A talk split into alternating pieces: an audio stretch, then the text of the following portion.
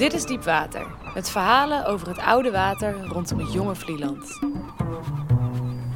En wij zijn Matthijs Deen en Anne van Maurik. Zie je dat daar? Dat is, eh, naar Vlieland vaart. Dat is op een gegeven moment halverwege, dus hier aan de rechterkant. Zie je een, eh, een eilandje liggen, dat heet Grient. En Grient is een onbewoond eiland en het is een verboden eiland. En het heeft dus eigenlijk wat eilanden sowieso hebben, namelijk dat, je, dat, dat het een, een plaats van begeerte is. Je wil daar graag naartoe. Omdat het niet mag. Omdat er niemand is. En dan ben jij daar. We zitten op de boot naar Vlieland en varen langs dit mini-eilandje, Griet. Het klinkt als een altijd huilende vriend. Maar ondanks deze treurige naam snap ik die aantrekkingskracht van het eiland wel. Want wat we niet kunnen krijgen, dat willen we. Dat werkt zo in de liefde en kennelijk ook met eilanden.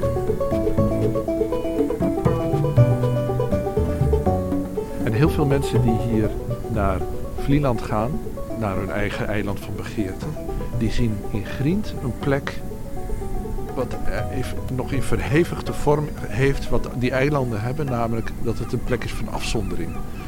Een plek waar je helemaal los bent van alles. En mijn theorie is, is dat die plekken die zo in het water liggen, die verboden zijn, dat die ook een functie hebben. Namelijk, je denkt, dat is een soort Hof van Eden. Dat is een soort paradijs. Daar toch eens een keer naartoe te gaan.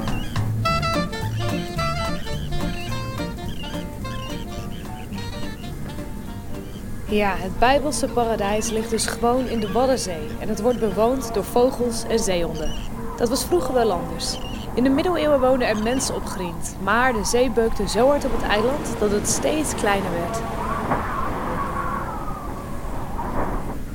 Kijk, het is overblijfsel van wat vroeger een, een landpunt was en later een eiland waar ook een kloosterschooltje op, uh, op gevestigd was. Het aan het eind van de 12e eeuw is het uh, met stormvloeden is het, uh, losgekomen en uh, het is in de loop van de tijd steeds verder afgeslagen. In de 19e eeuw werd er nog gemaaid voor hooi, voor paarden, wat heel erg geliefd goed voer was. Grient werd het eiland van het hooi van de paarden. Geen mens wilde er meer wonen. Want niet alleen werd het eiland door de tijd heen kleiner, ook dreef het steeds verder weg richting het zuidoosten. Met wel 7 meter per jaar. Sinds 1916 is Grient een beschermd natuurgebied. Een onbewoond eiland waar je niet op mag. Waar je alleen maar van kan dromen. Nederland heeft wel meer verboden eilanden. Plekken waarover we kunnen mijmeren en dromen. Maar terwijl voor ons alle droombeelden nog mogelijk zijn, weet Matthijs de waarheid al lang. Hij was namelijk eens een van de uitverkorenen die mee mocht op een verboden eiland.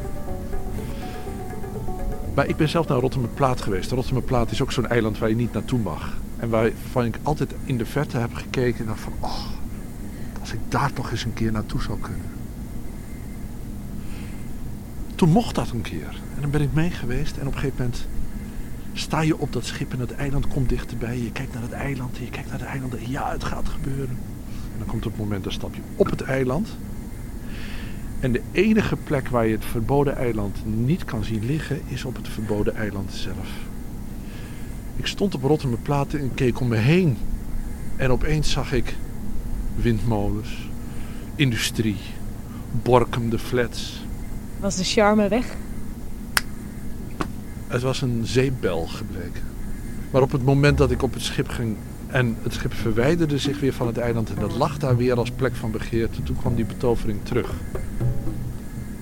Zo is het ook met Grient.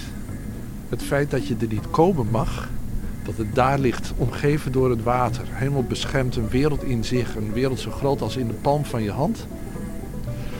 Dat is ontzettend belangrijk, want daar kan je in je fantasie en in je verbeelding, kan je daar al je verlangens en je fantasieën op projecteren.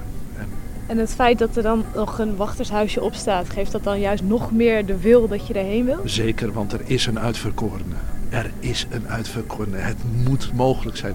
Zoals het ook in elke gevangenis van het allergrootste belang is dat men het idee heeft, je kan ontsnappen. Er is een mogelijkheid om bij de vrijheid te komen. Dat maakt het bestaan in die gevangenis draaglijker. Zo is deze wereld waarin wij zitten, is een gevangenis.